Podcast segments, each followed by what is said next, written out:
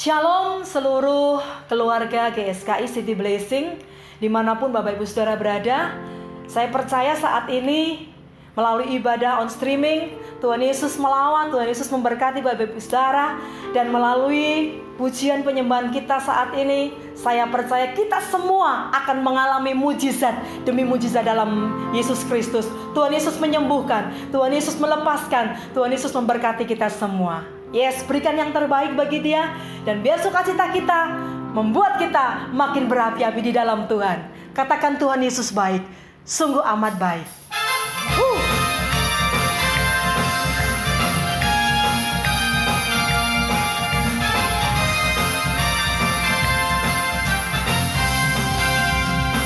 Mari katakan, tiada berkesudahan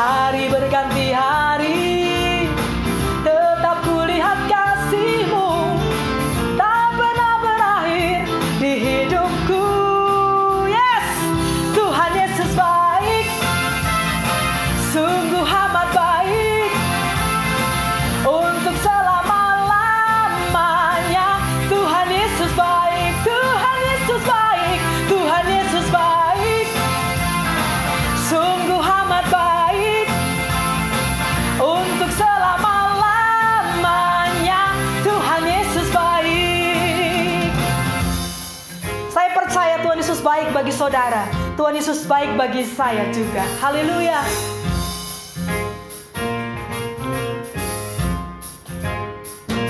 Mari katakan, Yesus baik bagimu. Yesus baik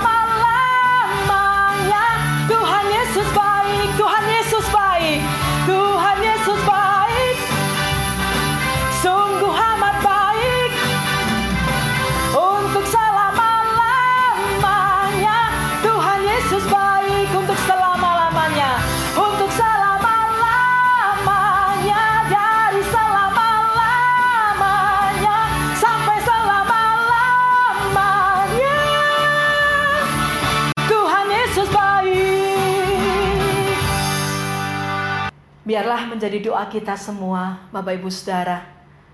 Kita menjadi seperti Yesus. Diubahkan hati kita, diubahkan hidup kita Menjadi serupa dan segambar dengan Yesus. Bapakku mau indah di matamu Dan mulia dalam pandanganmu. Terima kasih Tuhan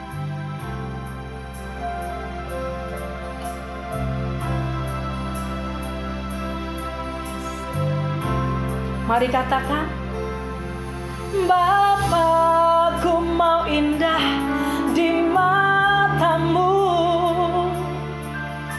Dan mulia dalam pandanganmu.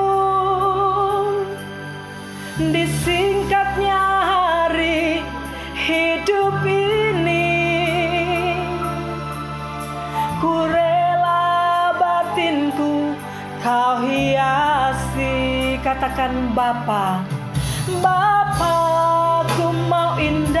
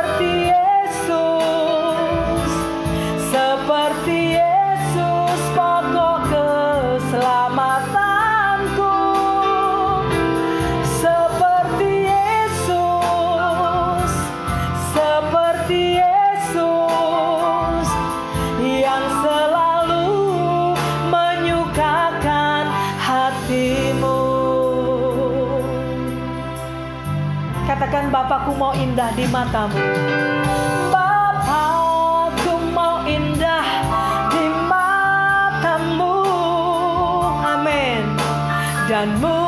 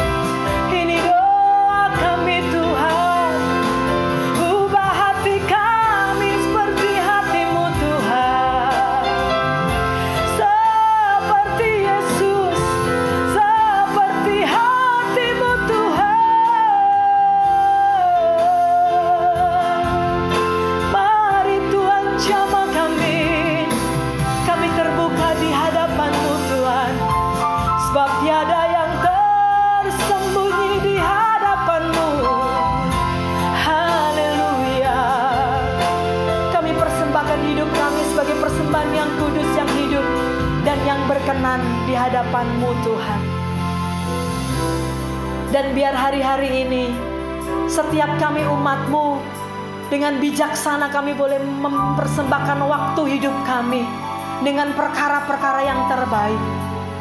Segala sesuatu ada waktunya. Dan kami percaya waktu Tuhanlah yang terbaik buat setiap kami.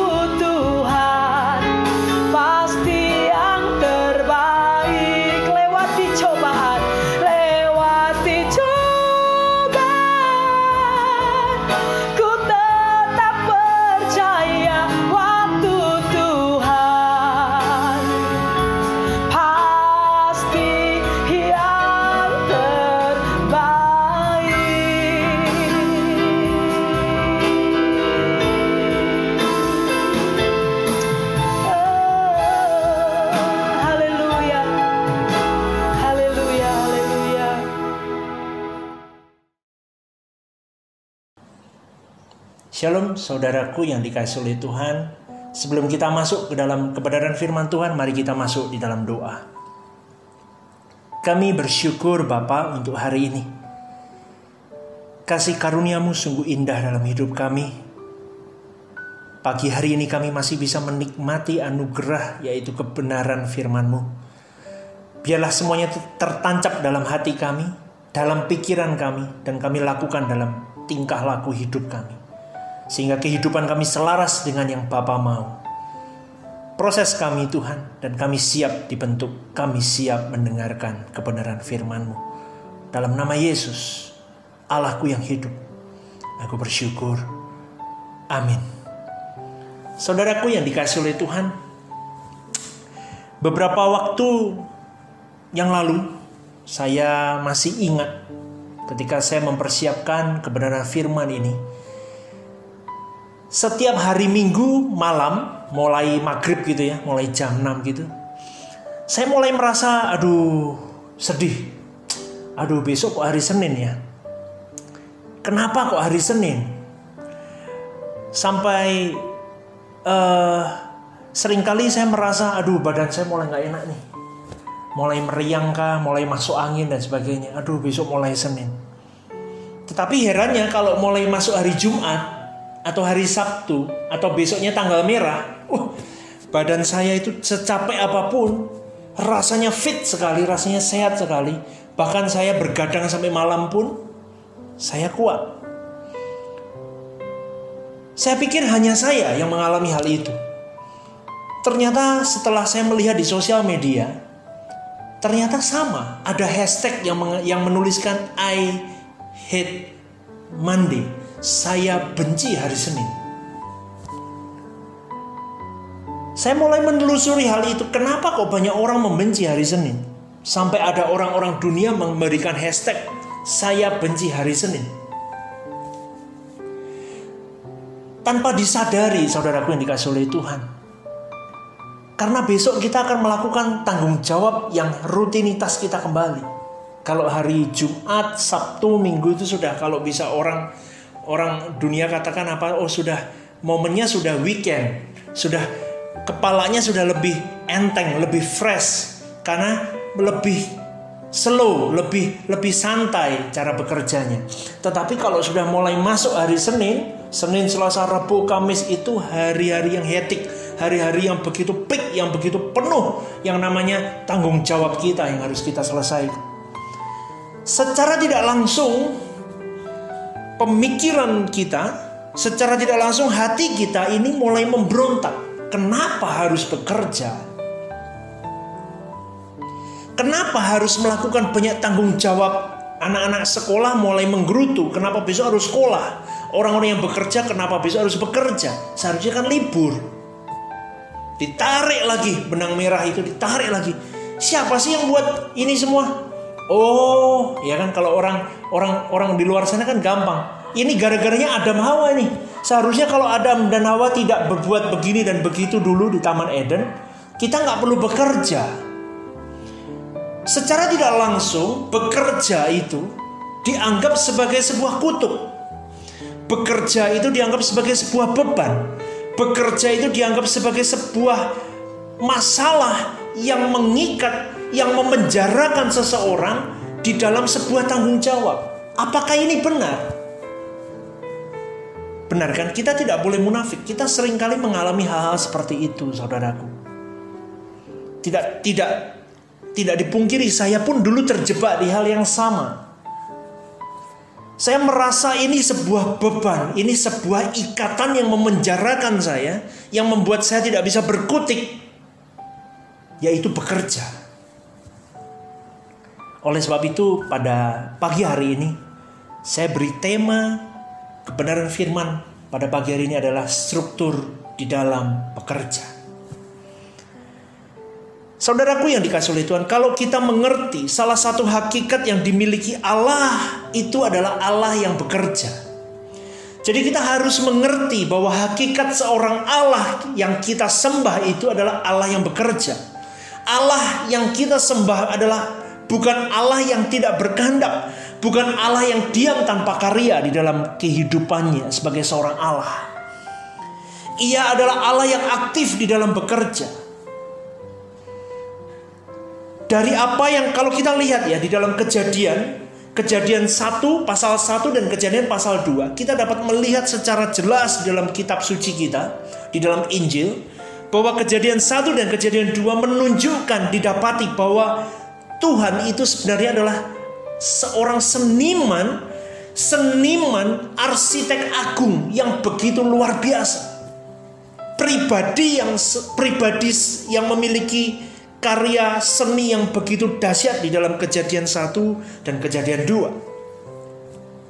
Pribadi yang memiliki kehendak dan gagasan-gagasan yang luar biasa. Itulah pribadi Allah.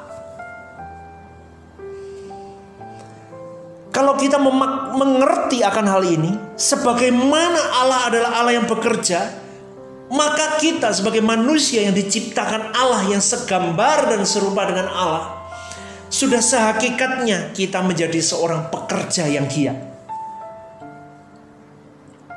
Tetapi masalahnya, sering kali bekerja ini menjadi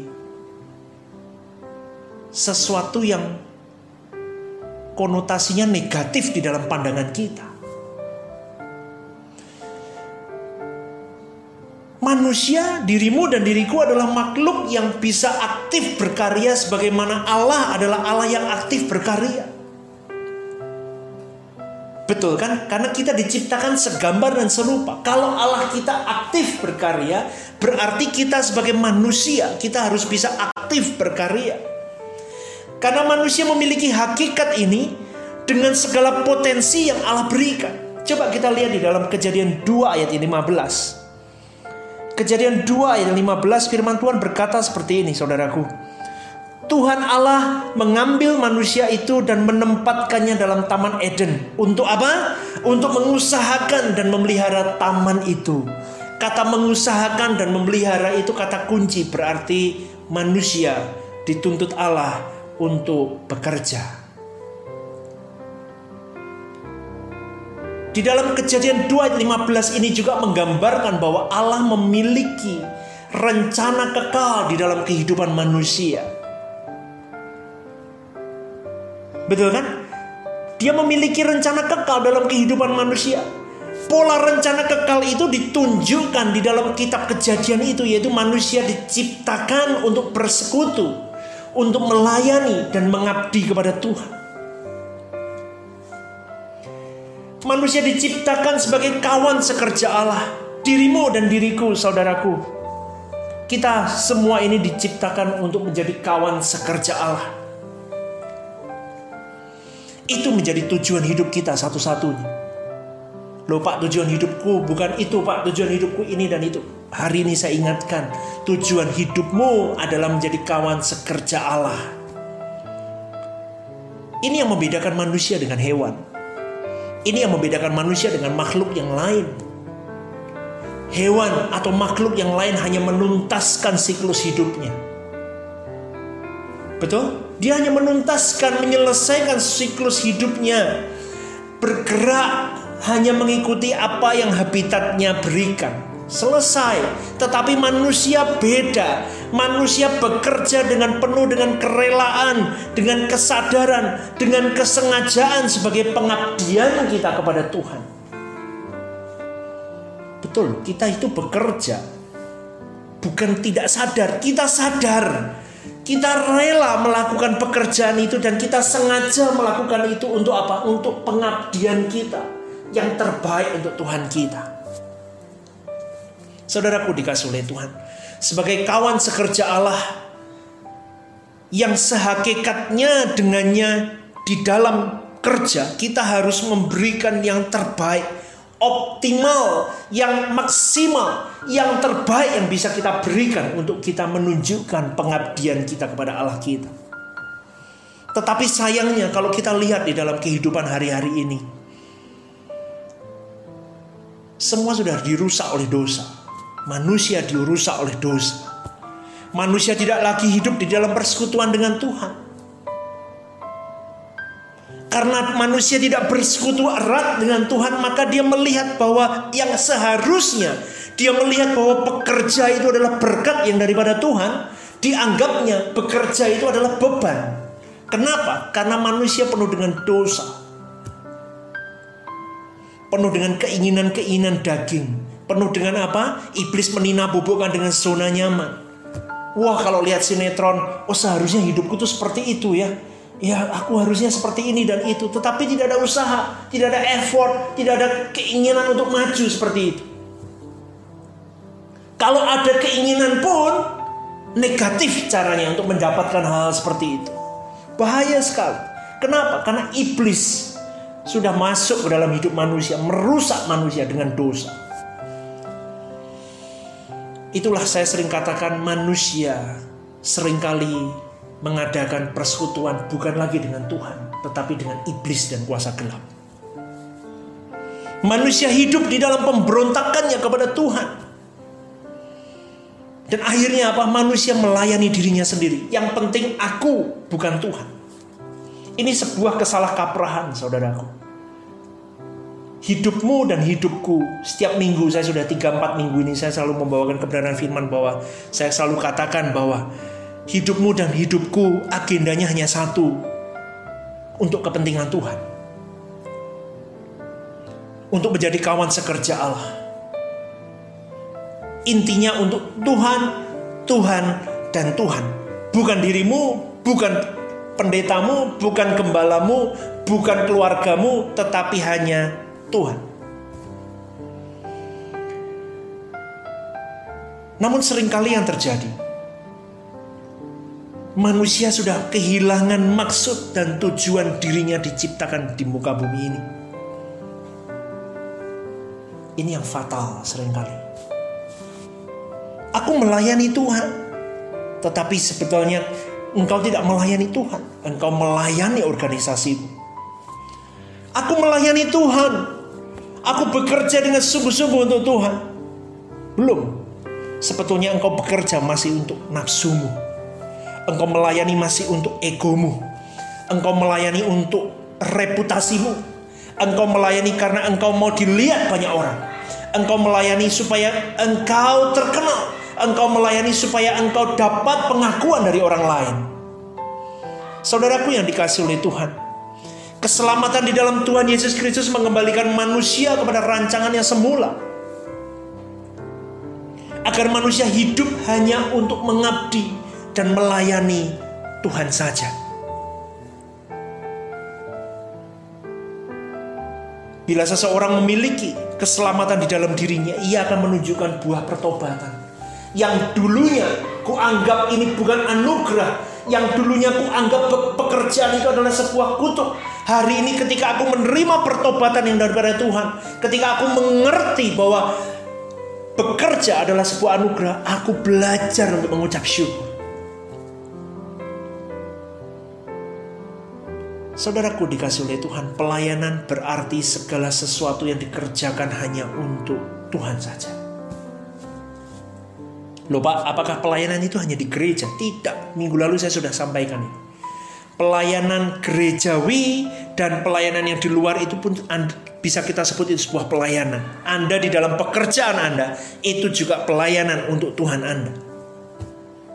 Jadi ketika Anda bekerja, Anda harus memberikan yang terbaik hanya untuk kepentingan Tuhan. Manusia bekerja dalam berbagai profesi.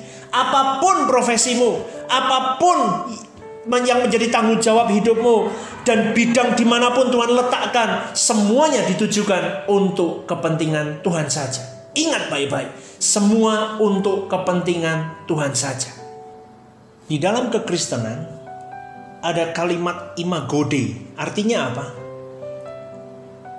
Dirimu dan diriku adalah segambar dan serupa dengan Allah. Itu menunjukkan apa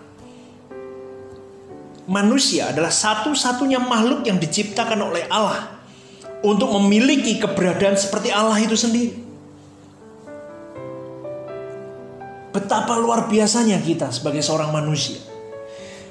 Manusia satu-satunya makhluk, saya garis bawahi satu-satunya makhluk. Engkau dan saya satu-satunya makhluk yang diciptakan oleh Allah yang memiliki keberadaan seperti Allah sendiri. Itulah yang saya katakan imagode. Imagode sesuai dengan gambar, segambar dengan Allah. Diri kita segambar dengan Allah kita. Saudaraku dikasih oleh Tuhan, salah satu hakikat yang dimiliki Allah adalah bahwa Allah adalah Allah yang bekerja. Saya ulang sekali lagi. Hakikat yang dimiliki Allah adalah Allah yang bekerja. Allah bukanlah Allah yang tidak berkehendak. Bukan Allah tanpa karya. Ia adalah Allah yang aktif berkarya, penuh inisiatif dan bekerja. Demikian sebagaimana Allah adalah Allah yang bekerja manusia, engkau dan saya juga harus menjadi manusia yang bekerja. Kerja merupakan unsur hakikat manusia dijadikan menurut gambar Allah. Saya ulang sekali lagi, kerja merupakan unsur hakikat manusia yang dijadikan menurut gambar Allah. The nature of man is a worker.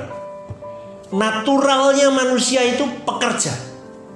Jadi kalau dirimu dan diriku hari-hari ini malas, ya saya tidak katakan kita bukan manusia.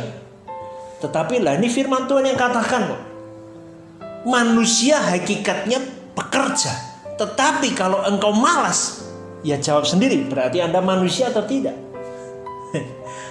ya, saudaraku dikasih oleh Tuhan. Oleh karena kerja adalah suatu unsur hakikat manusia, maka kerja itu merupakan perintah Allah.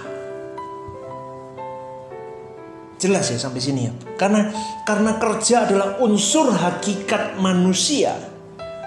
Ha, be, beker, pekerja itu ada unsur di dalam Allah. Karena Allah adalah Allah yang bekerja. Allah segambar dengan manusia. Manusia berarti memiliki unsur pekerja. Oleh karena unsur hakikat pekerja ini, manusia berarti pe bekerja adalah perintah dari Allah. Kalau sudah tahu bahwa bekerja adalah perintah Allah,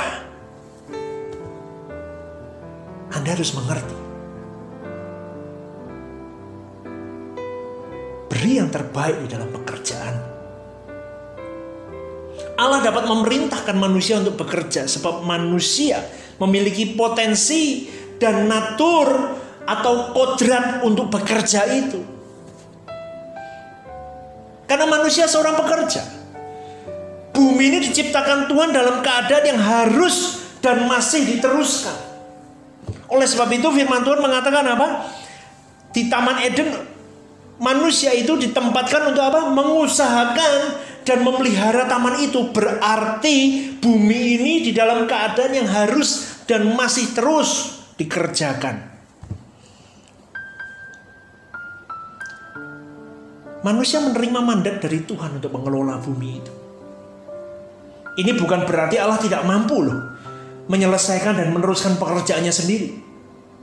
Di sini Allah melibatkan manusia sebagai kawan sekerja Allah, partnership. Kita berpartner dengan Tuhan. Sebagai pekerja, kita sebagai pekerja dan bekerja mengelola hasil karya Allah di muka bumi ini. Jadi kita harus mengerti kenapa Allah, loh Allah kan bisa mengerjakan sendiri. Oh bisa. Tetapi itu tidak dilakukan. Kenapa? Karena Allah membawa manusia sebagai partnership, sebagai kawan sekerja Allah. Jika Allah tidak menga, tidak membawa kepada kita uh, menjadi bagian di dalam mengusahakan bumi ini, mengusahakan dunia ini, maka Allah membunuh hakikat kita sebagai manusia itu sendiri.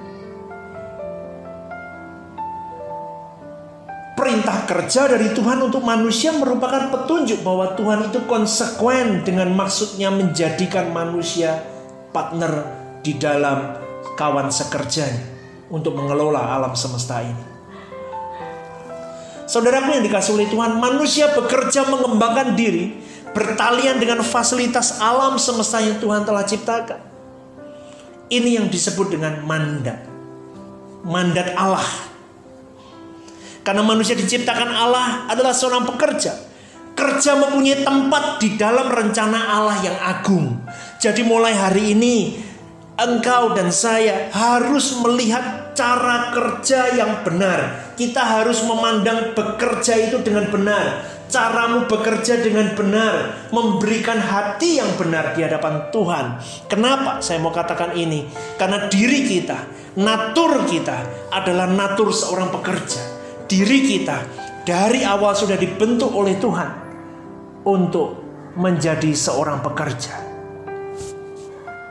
Saudaraku yang dikasih oleh Tuhan, dunia ini diciptakan di dalam keadaan yang belum dikerjakan. Dunia diciptakan dalam keadaan yang masih perlu tangan-tangan manusia yang mengelolanya. Oleh sebab itu sebaiknya tidak berpikir bahwa ketika Adam dan Hawa di Eden mereka hanya makan dan minum tanpa kerja. Ketika manusia memberi nama binatang, yaitu terkala Allah membawa semua binatang untuk dinamai oleh manusia, Alkitab membuktikan bahwa di Eden pun manusia sudah mulai bekerja. Berarti pemikiran-pemikiran kita yang lalu yang mengatakan bahwa seharusnya kalau Adam dan Hawa tidak melanggar dosa, kita tidak bekerja. Salah.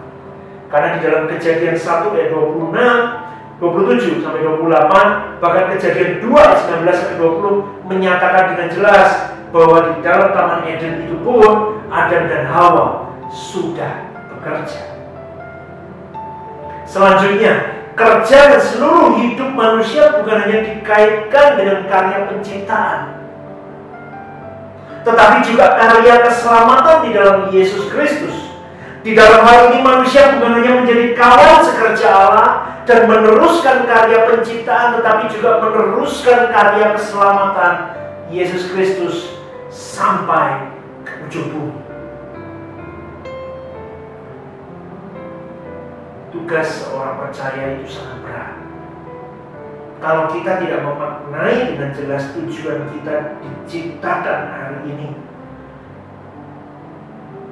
dirimu dan diriku akan terjebak di dalam zona nyaman kehidupan. Loh, dunia mengatakan ini kok Pak. Ya saya ikut dong. Saya benci hari Senin, I hate Monday. Saya pun sama. Buat apa bekerja hari Senin? Enak dong hari weekend. Betul. Tetapi engkau ketika engkau mendengar firman Tuhan hari ini, engkau sadar bahwa dirimu dan diriku naturnya seorang pekerja. Tidak ada kata untuk tidak bekerja dalam hidup kita.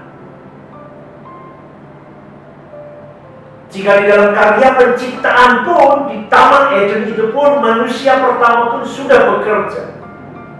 Kenapa? Karena itulah hakikat dan unsur dari Allah itu sendiri yang masuk ke dalam diri kita sebagai seorang manusia. Unsur untuk bekerja. Kita memiliki kehendak. Kita memiliki potensi. Beri yang terbaik untuk Tuhan. Beri yang terbaik untuk Allah. Beri yang terbaik yang kau sembah. Saya yakin saudaraku, tidak mungkin orang bisa mengatakan aku mencintaimu Tuhan. Tetapi di aspek yang lain dia lepaskan. Tidak bisa manusia hanya fokus hanya oh aku aku sungguh-sungguh mencintai Tuhan, aku sepenuh waktu berdoa untuk Tuhan dengan Tuhan. Tidak bisa.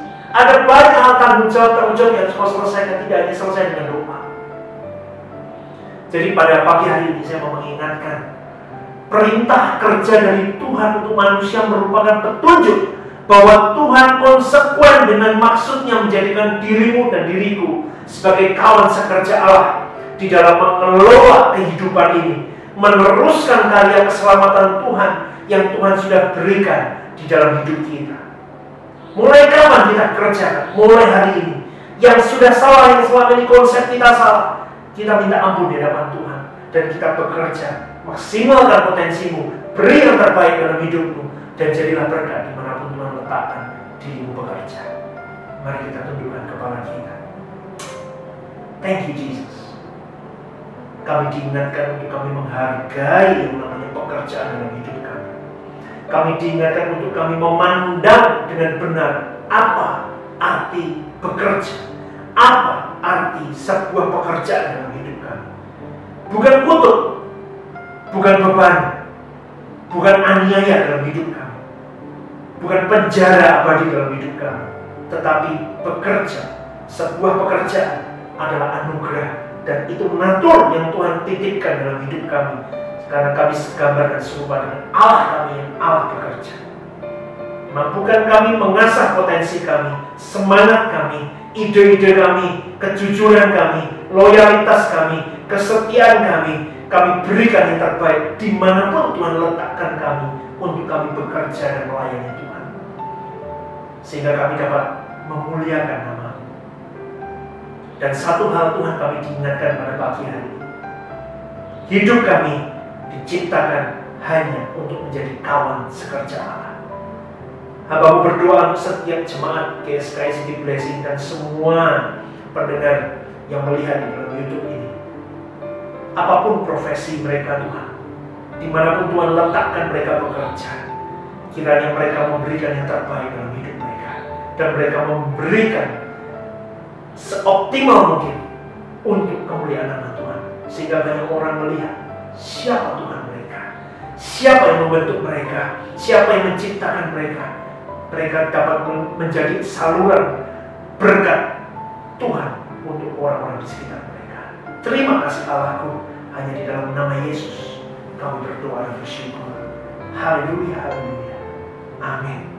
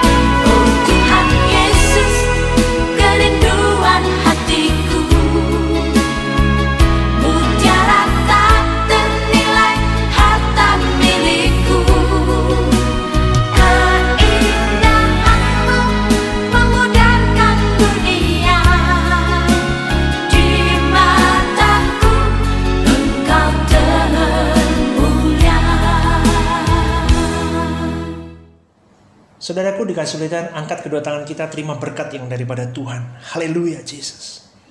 Terima kasih Tuhan.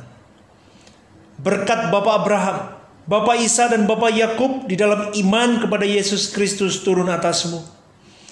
Tuhan memberkati engkau dan melindungi engkau. Tuhan menyinari engkau dengan wajahnya dan memberi engkau kasih karunia. Tuhan menghadapkan wajahnya kepadamu dan memberi engkau damai sejahtera. Haleluya. Amin.